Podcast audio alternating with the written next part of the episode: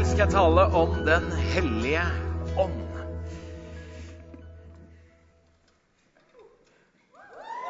Ja! Noen var på, og andre skrudde av med en gang. Hellige ånd. Da kommer jeg ikke til å skjønne mye. Hellige ånd. Dette er nærmest et ikonisk bilde, dette. Ja, det er det. Juni 1992. Ehm, dette er pressekonferanse. Jeg møter hele det norske pressekorpset. altså Det er meg til høyre der. Jeg er jo ikke født skalla. Til venstre sitter hele Norges uh, husfred, uh, Dan Børge Akerø.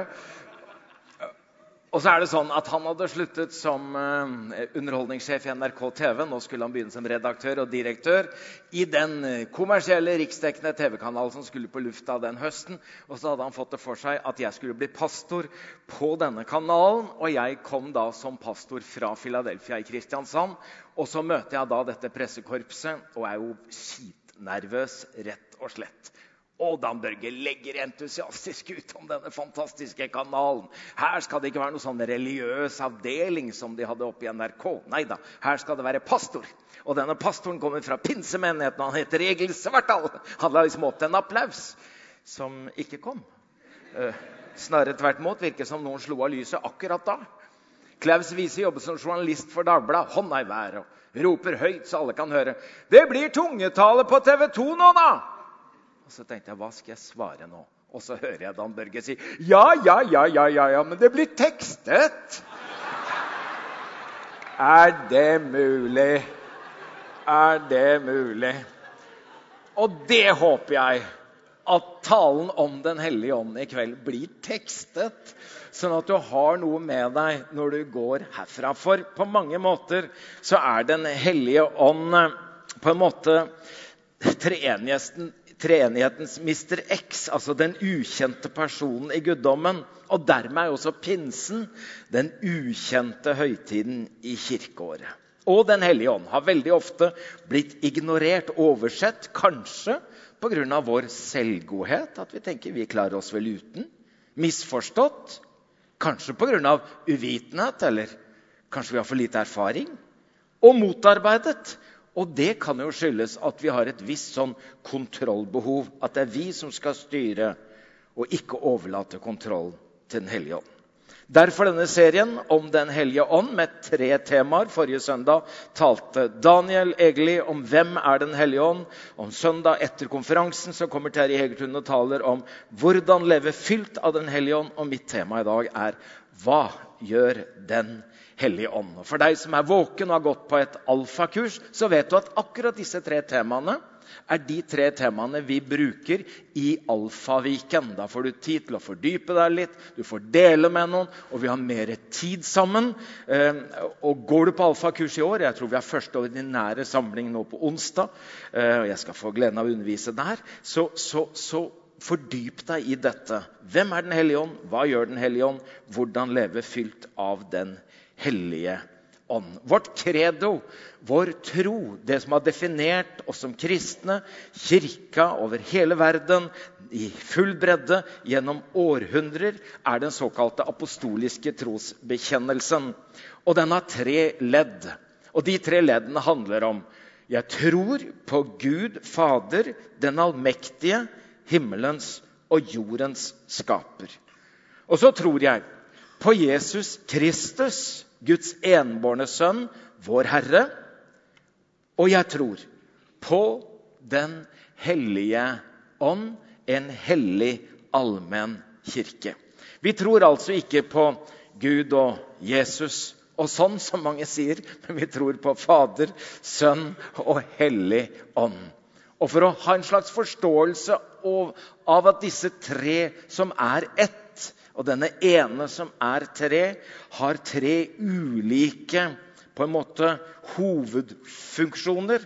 Så sier vi at vi tror på Gud Fader som skaper, vi tror på Jesus Kristus som frelser, og så tror vi på Den hellige ånd som livgiveren.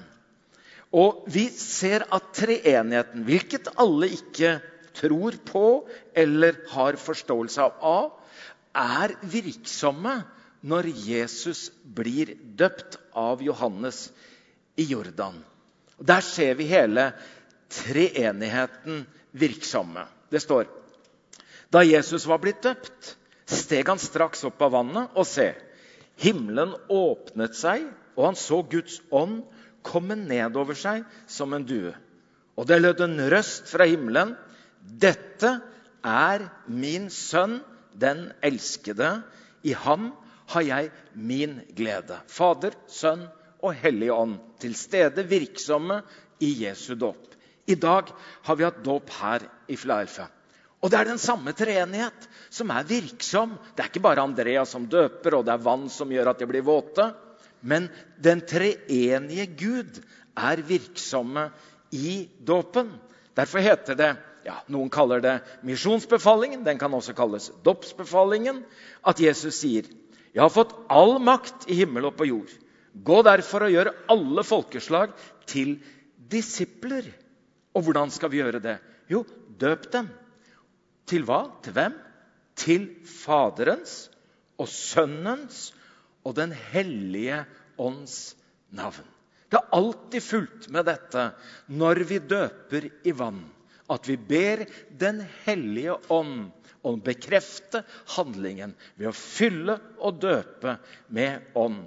Derfor sier Peter på pinsedag etter talen og folk spør hva skal vi gjøre da for å bli frelst, så sier han omvend dere, og enhver av dere la seg døpe. Så skal dere få syndenes forlatelse og Den hellige ånds gave. Og Temaet i dag er altså hva gjør Den hellige ånd? Jeg sitter og forberedt dette, så tenkte jeg hadde det ikke vært lettere å snakke om hva han ikke gjør. Han gjør jo utrolig mye.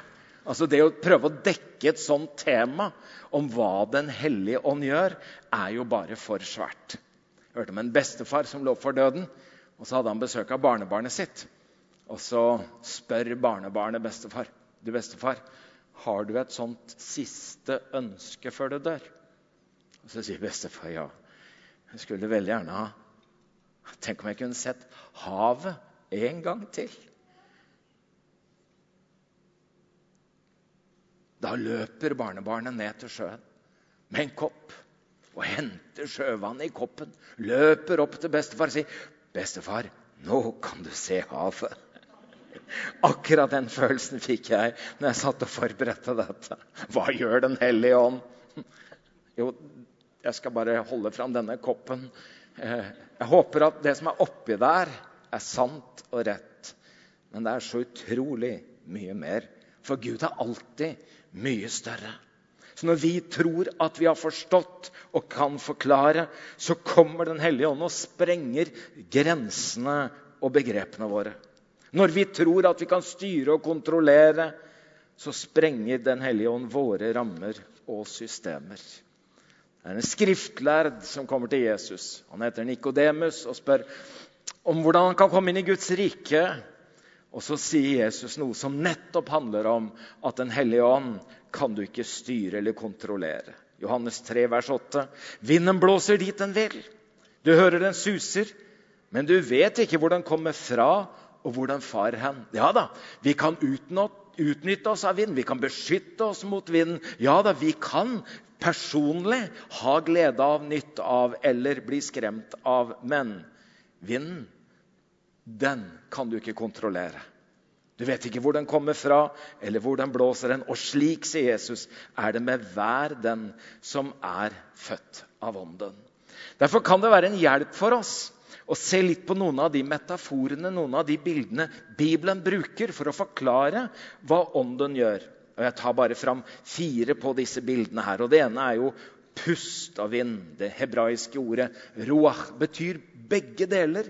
Både åndepust og vind. Vi vet at Gud blåser livspust i menneskets nese i skapelsens morgen. Vi vet at det blåser en sterk vind på pinsedag. Ånd er vind og pust.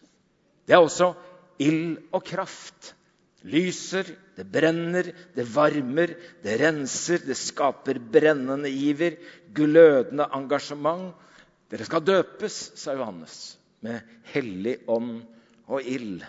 Og duen står for renheten, ydmykheten, varheten. Duen og Johannes så det, at Den hellige ånd kom over Jesus i dåpen som en due. Og den forsvant ikke, men den ble værende over Jesus. Og vannet blir da bildet på livet og fornyelsen. For uten vann er det ikke noe liv. Det levende, livgivende vannet. Og Jesus sier til kvinnen ved brønnkanten der utafor eh, Sykar i Samaria Det vannet jeg gir, skal bli i deg. En kilde med vann som veller fram og gir evig liv.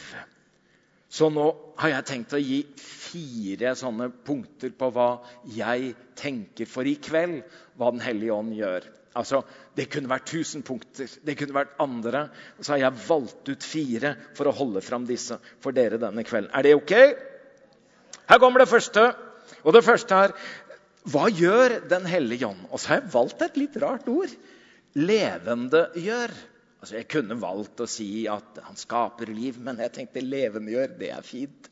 Jeg må selvfølgelig da slå opp i synonymordboka. Der leser jeg at synonymer med levendegjøre er å gi liv. Og så står det å inkarnere. Det er et ord som vi skjønner at det har noe med at Gud blir menneske, at ånd får kropp. Og da engelen kom til Maria, engelen Gabriel, og sier at 'du skal bli mor til den høyeste sønn', så skjønner hun ikke hvordan det skal skje. Ja, men jeg har jo ikke engang vært sammen med noen mann. Da sier engelen Den uh, hellige ånd skal komme over deg, og den høyestes kraft skal overskygge deg. Derfor skal barnet som blir født, være hellig og kalles Guds sønn. Det er inkarnasjon. Det er at ånden levendegjør, gir liv. Vi kan ikke forstå det, men vi kan tro det. Derfor sier vi i trosbekjennelsen jeg tror på Jesus Kristus, Guds enbårne sønn. Så sier vi unnfanget ved Den hellige ånd.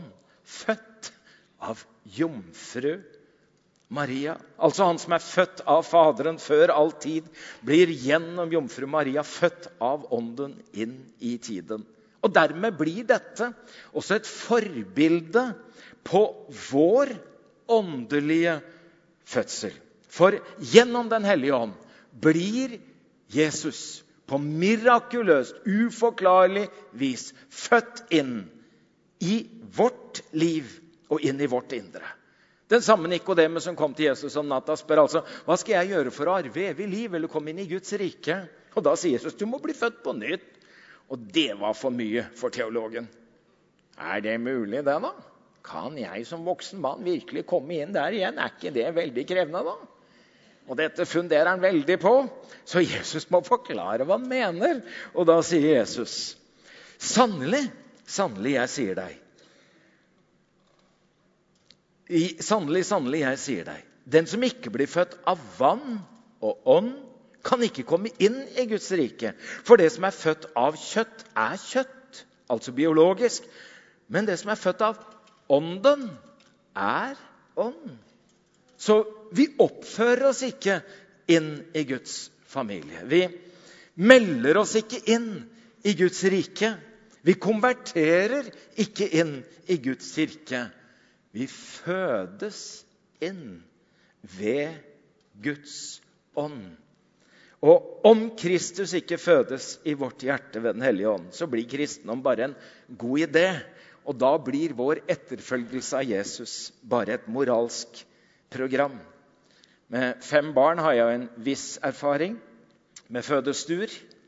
Det er spennende greier. Det er mulig at det er pastoren som tenker vannet går. Aha, dåpen er der. Dåpen, dåpen, dåpen. Vann, dåp, dåp, dåp, vann. Blir født av vann og ånd. Var født av vann og ånd. Ja, ja vannet har gått. Fødselen er i gang. Og så er det et veldig spennende øyeblikk når barnet er ute. Lever det? Og så venter du på lyd. Puster det? Og så fyller barnet for første gang lungene med luft. Og så er du lykkelig hvis du får høre at det barnet skriker. Og du elsker det skriket. Det skriket handler kanskje om det samme som en som er født på nytt. Som i sitt hjerte får en ny ånd. Og Bibelen sier det. Fordi dere er barn, har Gud gitt sin sønns ånd i våre hjerter. Og ånden roper 'Abba, far', som betyr 'kjære pappa'. Jeg har alltid sagt at barna sier det alltid først 'pappa' før mamma. Hun kommer senere. Det var det Gud gjorde på skapelsens morgen etter å ha formet mannen av jord. Da blåste han livspust i nesen på mennesket, og det ble en levende sjel. På påskedagen står Jesus og ånder på disiplene og sier, 'Ta imot Den hellige ånd'. Og på pinsedagen kommer det ikke bare et åndepust, men et vindkast som gir liv til en hel kirke. Eh, apropos åndepust vi, og alfakurs. Eh, vi, hadde en, eh, vi, hadde mange alfakurs hatt i mange år. og Før så underviste vi her oppe, brukte dette som et slags auditorium. Og så var det en Øyvind Øyvind Jansen, en godt voksen mann, som hadde spurt er det mulig for meg å bare være observatør en kveld, sånn at jeg kan se hva dere gjør. For han vurderte om han skulle prøve å gjøre et alfakurs i en annen sammenheng. Så sa jeg det er helt greit. Ja, Så sier han ja, jeg lover å ikke si noen ting, og jeg skal sitte helt stille. Jeg var ikke så bekymra for det. Men Øyvind satt der og hadde tatt plass, og jeg underviste den kvelden. Og Jeg hadde ikke undervist mange minuttene før han bare segna om. Det er ikke vanlig at folk gjør det hver gang jeg underviser. Eh, men denne gangen sånn. Og jeg kan jo ikke sant. Så hadde det vært opp til meg, så hadde jeg bare lagt han i stabilt sideleie, og der hadde han blitt liggende. Men vi hadde tre sykepleiere der, bl.a. moren til Andreas Heiertun her. Og de bare gyver på. De bryr seg ikke om at jeg underviser, og at han hadde lov til å sitte stille. De bare feier alt til side, gir beskjeder, og hun skal ringe. Og der er det opp med skjorta mens han ligger der, og de har fått seg god plass. Og det er kompresjon. Og så begynner en av dem med munn-til-munn-metode munn på Øyvind. Og så kommer etter hvert ambulansepersonellet løpende inn, er på med en gang. Og før de bærer han ut, så sier de Hvis dere ikke hadde gjort det dere gjorde nå, så hadde vi båret denne mannen død ut. Men takket være dere, så lever han. Det var ganske gripende for oss når vi noen alfakvelder senere fikk besøk av Øyvind. Men denne gangen hadde han med kona, hadde med barn, svigerbarn og barnebarn. De ville bare takke for livet. Ånde, pust, livspust. Hva skal du gjøre for å bli en kristen? Ingenting. Du skal bare la Ånden gi deg liv ved at du sier 'velkommen til Jesus' inn i ditt hjerte. Og jeg blir så inspirert av dette at jeg må over til neste punkt. Det er at Den hellige ånd forvandler, altså skaper liv, levendegjør. Og i og gjennom det begynner en forvandlingsprosess pågående hele livet. For frelse betyr egentlig å gjøre hel. Altså helgjøre, levendegjøre. Og helgjøre er egentlig å helliggjøre. Da tenker du skinnhellig. Nei, men du kan bli hellig i den forstand at du får en Kristuslikhet som vokser fram over tid. Du vet Når vi sier i vår visjon at vi ønsker å lede mennesker som enda ikke tror til helhjertet etterfølgelse av Jesus, så er det ikke bare sånn at der framme et eller annet sted går Jesus, og vi kommer etter helhjertet etterfølgelse. Som om liksom det er viktig bare å gå i spor. Nei, det ligger jo i det at han er vårt forbilde, vårt ideal. Og ikke bare det at vi ønsker å gå etter han, men ber om å forbli lik han og ligne han i større og større grad. I Rombrevet 8, 29 står det Den som han på forhånd har vedkjent seg, har han også på forhånd bestemt til å bli formet etter sin sønns bilde så han skal være den førstefødte blant mange søsken. Altså Jesus' storebror og søsknene hans har søskenlikhet. Det er Guds plan og ønske. Gi oss Kristus, livet, i våre hjerter, og at dette etter hvert kan prege oss og forme oss og våre liv. Det betyr at vi, vi forvandles ikke utenifra og inn, men vi forvandles innenifra og ut ved Den hellige ånd. Jeg skal lese et vers som er ganske merkelig, men som er kjempefint. I 2. Korintbrev 3. kapittel vers 18. Og vi som uten slør for ansiktet ser Herrens herlighet som i et speil, vi blir alle forvandlet til dette bildet. Ikke ved å imitere, ikke ved å etterligne, etter, ikke ved å kopiere. Du vet, Vi hadde mange av oss sånne, sånne rundt eh, armen som het 'What would Jesus do?' Altså, hva ville Jesus gjort? Og det er noe fint over det. Men det er veldig vanskelig å være Jesus. Eh, flere av oss oppdaget eh, at, at, distansen av og til var stor, og flere gikk til og med på en smell. Jeg skjønner idealet og tanken men den tanken at jeg skal imitere, kopiere og etterligne, gjør jo at veldig mange mister motet, fordi at avstanden og distansen mellom Jesus og meg er så stor. Men dette skjer ved Herrens ånd. Det betyr at du kan få gi rom for den ånd som kan skape den likheten med Jesus som bare Den hellige ånd kan. For Jesus sa han skal herliggjøre meg, for han skal ta av det som er mitt, og så skal han gi det til dere. I min hjertes hage vokser veldig mye. Ja, og en hel del ugress. Jeg beundrer kona mi, som er så utrolig ivrig på luke. Og jeg tenker hver gang hun har vært første gang, da er det gjort for i år. Men så er hun ute igjen og ute igjen og ute igjen, for dette ugresset tar jo aldri slutt. Og det har jeg også tenkt når det gjelder mitt hjertes hage, at dette ugresset aldri tar slutt. Men et kristent liv kan jo ikke bare handle om at jeg skal luke bort det vonde. Det det handler om, det er at Gud i sin nåde ved Jesus Kristus har plantet et nytt liv i din hjertes hage. Og den planten skal du få lov å dyrke. Fint at du luker bort det, men det handler ikke bare om å luke. Det handler først og fremst om å vanne det som er plantet, og gi det vekstmulighet. For over tid så vil du da kunne bære det som Bibelen kaller for åndens frukt. Altså ikke resultater, men frukt av et liv. Og denne frukten som kommer av ånden og åndens gjerninger i oss, skaper karakter.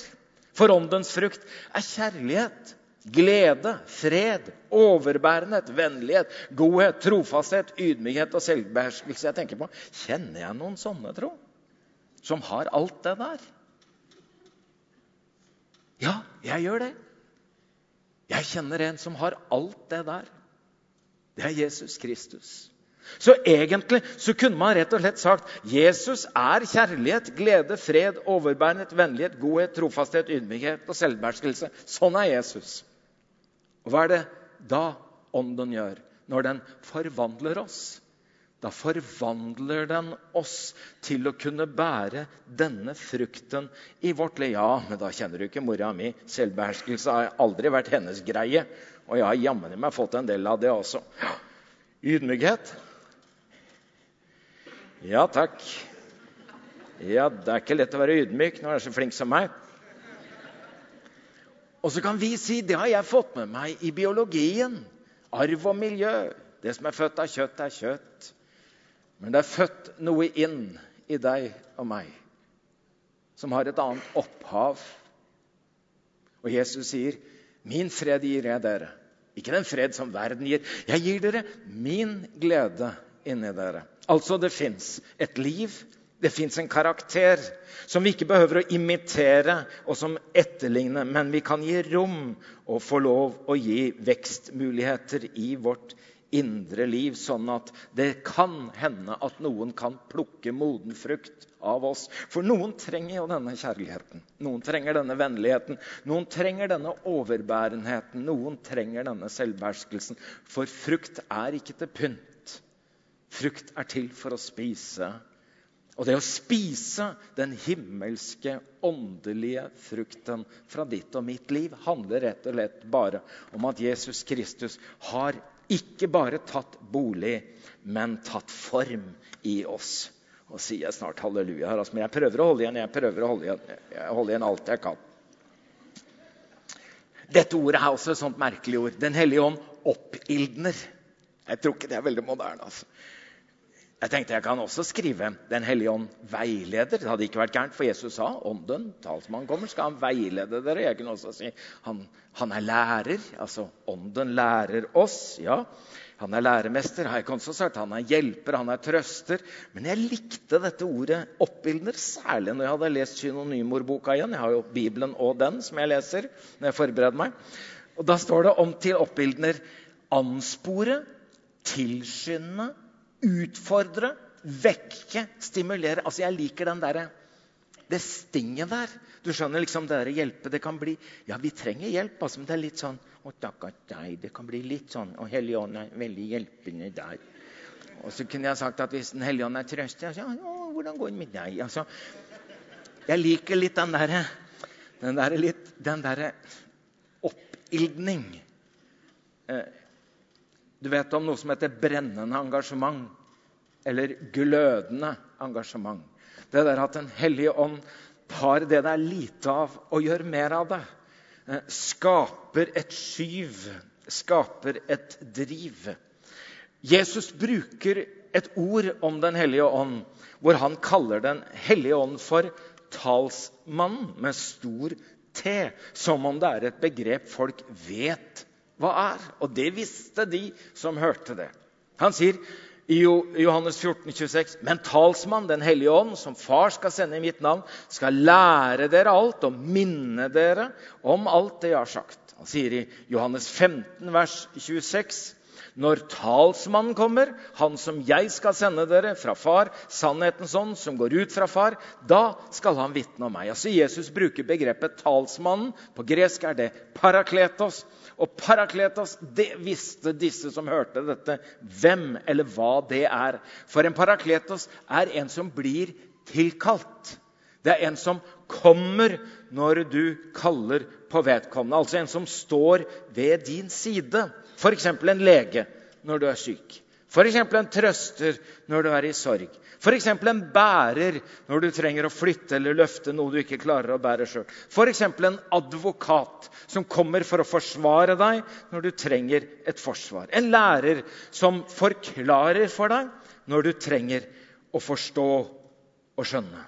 Men en parakletos var også en som kom på bestilling for å oppildne. du vet, i våre dager så har vi jo sånne motivasjonsforedrag og inspirasjonsforedrag. En som kommer inn i firmaet En litt sånn Stordalen-type altså, som bare feier over folk. Og det er jo fint, da! Altså, alt er mulig! Motivasjonsforedrag. Og sånn brukte man Parakletos når soldater var i krig. Og de var redd for motstanderen og hadde mest lyst til å snu ryggen til og løpe hjem igjen og desertere. Da tilkalte de Parakletos for å oppildne, oppgløde, sette mot i og skape nye bilder og skape en opplevelse innen. Ikke bare å pumpe inspirasjon og luft, men reelt sett peke på muligheten. Jeg har sett i en fotballkamp når det går dårlig i første omgang, så hører vi kommentatorene si ja, nå lurer vi på hva treneren skal si i pausen. Og Vi får jo ikke være med inn i garderoben, men der foregår jo mye greier. Og av og til sier de det er jo som et nytt lag som kommer på banen. Det er jo helt merkelig. Og da lurer vi på hva sa han eller henne i pausen? Vet du hva jeg tenker? Jeg tenker at en gudstjeneste er en sånn garderobeprat. Vi er mellom to omganger forrige uke og neste uke. Jeg vet ikke hvordan du syns det gikk i forrige uke. Men vi trenger en åndsinspirert gudstjeneste. Vi trenger ikke bare å pumpe luft i hverandre i stemning, men vi trenger at Den hellige ånd kommer og fyller vårt hjerte med tro, med mot, oppgløder og oppildner vår ånd og vårt hjerte. Så det kommer en ny, et nytt lag på annen omgang. Jeg tenkte jeg kunne tatt et bilde av meg selv, men jeg har jo ydmykhet som et kjennetegn. Så jeg valgte han her. For det er jo ikke bare en lagtrener, men av og til så er det noen som har en personlig trener. Og jeg skjønte jo ikke det hva folk snakka om. Jeg sa at jeg skal møte PT-en min. Og PT-en din, ja. Jeg turte ikke å spørre engang hva denne PT-en var. Jeg skal ha PT-en, ja. Eh, det er visst personlig trener. Og det har jeg blitt litt sånn fascinert av. For hva er en personlig trener? Ja, jeg vet at det er begrenset, for det er ett sted, og det er en fast tid. Men uh, Den hellige ånd er en personlig trener. Det er uh, faktisk han som gjør det som en personlig trener veldig ofte gjør. Akkurat idet du sier 'nei, dette er for tungt', da sier en personlig trener 'jeg tror du klarer det'. Hvis du ikke klarer det, så er jeg rett her bak deg. Ja, ja men orker jeg ikke mer. Jeg tror du orker litt til. Ja. Altså, Denne som oppildner oss og pusher oss litt, både kollektivt men også på det personlige plan. At du tenker av og til at du hører folk sier ja, jeg kan jo ikke forstyrre Gud med dette oppi der, for han har jo så utrolig mye å gjøre oppi der. Men Gud er ikke oppi der bare. vet du. Han er inni her. For han skal være i dere, og han skal være hos dere, og han skal være med dere. Så han er jo ikke langt borte. Den personlige treneren er innen rekkevidde til enhver tid. Halleluja. Det siste punktet er at Den hellige ånd utruster. Jeg har lurt på var Jesus karismatiker. Var han like avhengig av åndens kraft som deg og meg? Jeg stiller det som spørsmål. Ja, jeg har lest bok om det av Alfred Lorentzen, som er det store forbildet og åndelige far til Peter Halldorf. Peter Halldorf har skrevet boken 'Drikketyp av ånden' og refererer til dette. For hvorfor gjorde ikke Jesus, iallfall som vi er kjent med i Bibelen, noen under før han ble døpt i Jordan, ca. 30 år gammel? Hvorfor holdt han ikke på med under og mirakler? Han var sjuåring og tolvåring. Han var jo tross alt Gud. Dette at han la av seg det å være Gud lik og tok på seg en tjeners skikkelse og ble mennesker lik, betyr det også at han ble så avhengig av Åndens nærvær og kraft som vi er? Altså at han er et forbilde, ikke bare være annerledes enn oss, men være et forbilde i dette med å være fylt og avhengig og drevet av Den hellige ånd. Vi vet jo at ånden kom over Jesus i Jordan når han ble døpt i vann. Vi vet at han ved, fylt av ånden eh, ble Jesus drevet ut i ørkenen for å fistes av djevelen i 40 dager. At han kom fylt av åndens kraft ut igjen av ørkenen. At han gikk opp i hjemmesynagogen i Nasaret, får Jesaja-boken og leser. Herrens ånd er over meg fordi han har salvet meg til å forkynne. Det er som det jeg skal gjøre, er jeg autorisert til og utrustet til av Den hellige ånd. Jesus refererer til det også ved en gang hvor han har drevet ut onde ånder. og De spør med hvilken autoritet. Hvordan klarer du dette? Da sier han, er det ved Guds ånd jeg gjør dette? Og så argumenterer han for dem da. Og det står i Apostlenes gjerninger, det 10. kapittel, vers 38. Jesus fra Nasaret ble salvet av Gud med hellig ånd og kraft. Og at han gikk omkring overalt og gjorde godt og helbredet alle som var underkuta av djevelen. For Gud var med ham. Jesus, menneskesønnen, salvet av Gud med hellig ånd og kraft. Det var drivkraften og utrustningen. Var det sånn? Iallfall er det sånn at Jesus har åndet på disiplene på første påskedag og sagt ta imot Den hellige ånd. Da skulle man jo tenkt ja, da har de alt.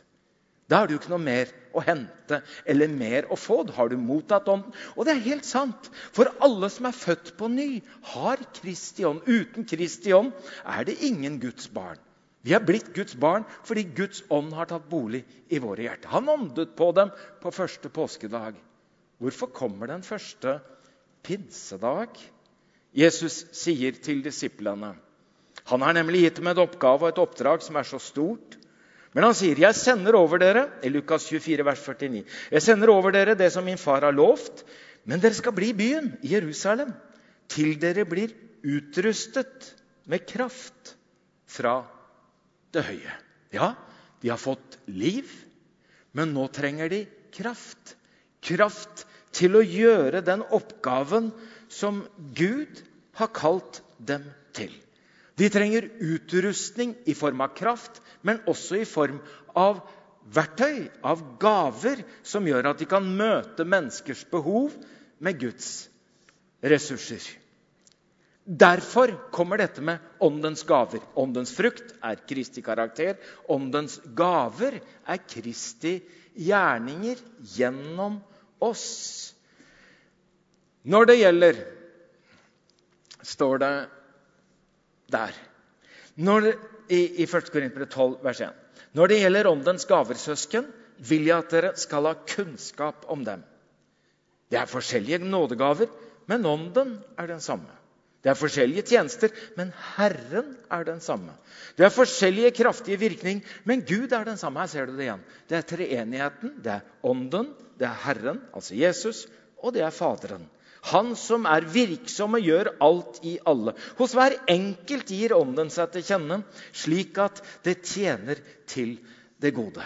Vi legger merke til at det er forskjellig. Ja, bare se deg rundt. Selvfølgelig er vi forskjellige. Vi er veldig ulike. Ja, Og vi har forskjellige oppgaver og tjenester.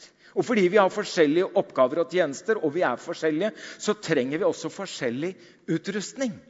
Du trenger ikke det samme som meg, og jeg trenger kanskje ikke det samme som deg. Men det fins en utrustning fra Gud i forhold til den gjerningen og oppgaven som du får. Altså at vi ikke bare får en oppgave, men at til denne oppgaven knytter det seg nådegaver, altså verktøy. Er det noen av dere som har gått Politihøgskolen? Nei. De er på jobb. Det er fint. Det er fint at de ikke er her. Men jeg har jo eh, en i familien hvor gikk eh, befalsskolen i militæret. Og så er det sånn at Når du går inn i noe, så får du ikke bare sånn Så sender vi ut deg. Men det følger noe med den oppgaven. Det følger noe med den gjerningen, med den stillingen. Altså, Skal du bli baker, så er det fint at du har en kjevle. Skal du bli kokk, er det greit å ha en kniv. Skal du bli elektriker, er det fint med en skrutrekker eller to. Jeg tenker sånn at Kona mi er nemlig ingen handyman. da. Men kona mi sier av og til 'Egil, kan du fikse det?'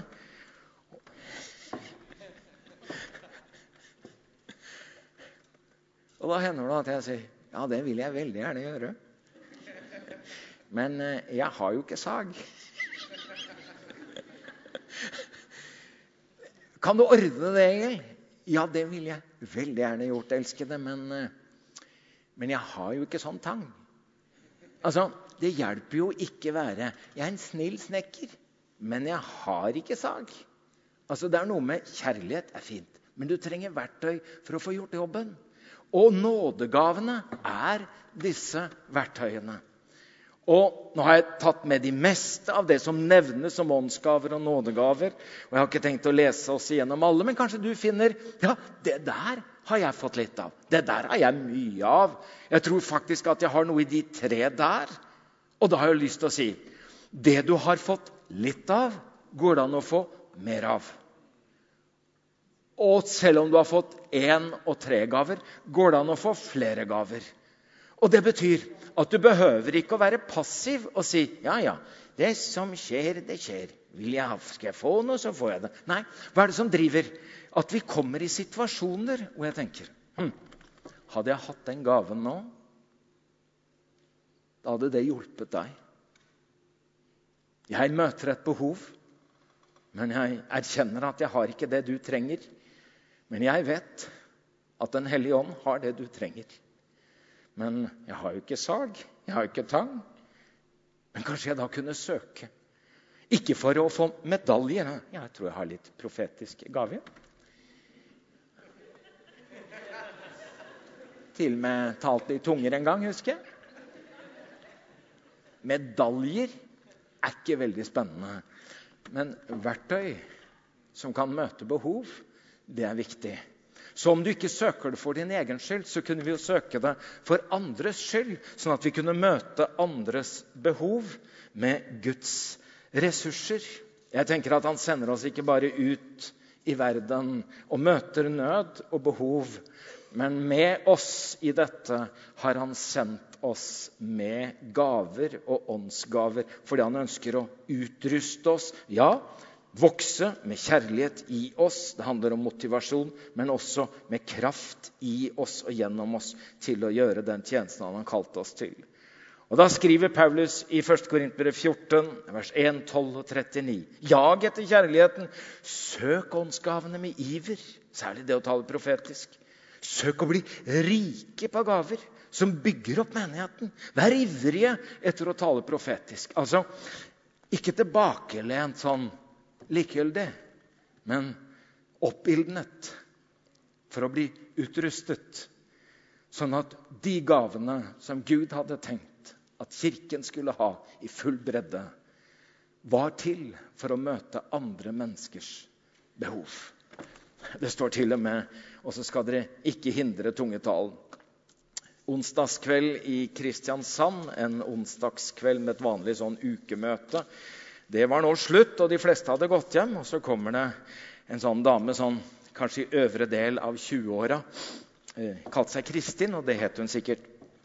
Og så kommer hun fram til meg og så sier hun, er det her dere ber eh, for, om at folk kan bli fylt med Den hellige ånd? Ja, sier vi gjør jo det. Ja, Da vil jeg ha det nå. Så utrolig. Annerledes. Jeg hadde aldri sett henne før. Og jeg vet ikke om hun var på møtet engang. Da vil jeg ha det nå.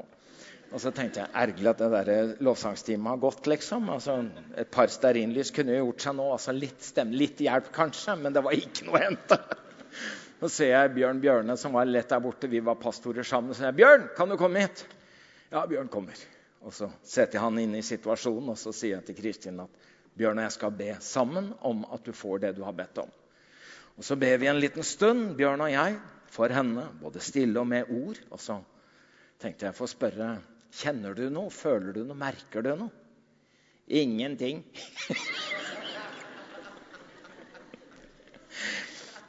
Nei, det er ikke alltid det skjer så fort, så vi skal be litt til. Da ber vi litt til, da. Og når vi har bedt en stund til, så sier jeg Kjenner du noe? Føler du noe? Merker du noe? Ingenting. så sier jeg det som er sant. Du har bedt, vi har bedt. Jeg tror at Gud har hørt vår bønn. Eh, når og hvordan vet ikke jeg, men jeg tror at Gud vil svare din bønn. Og Kanskje denne settingen er litt forstyrrende og litt hindrende. Men eh, ikke tenk at du ikke fikk men at du er i mottagerposisjon, sånn at du kan ta imot sånn og når Gud kommer til deg. Jeg møtte henne tilfeldig på gata uka etter. Det var veldig fint. Hun så så annerledes ut. Helt sånn. Og så sier jeg du må fortelle, deg. jeg skjønner at noe har skjedd. Så sier hun jo, dagen etter. Mannen har gått på jobben, barn har barnehaven.' Så sier jeg til Gud, sier hun da. Jeg vet ikke hva det er, jeg, Gud, om det er tungetale eller hva det er, men her kommer det.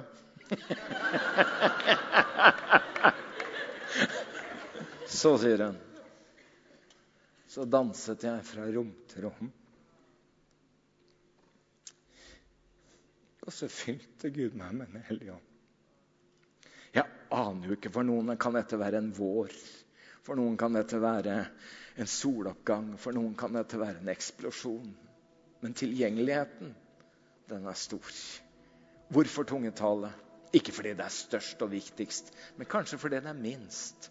Kanskje det er derfor de fleste som blir fylt i Den hellige ånd i apostelens gjerne, veldig ofte begynner med tungetale og profeti. Men tungetale, da skader du ingen. Det syns jeg er fint.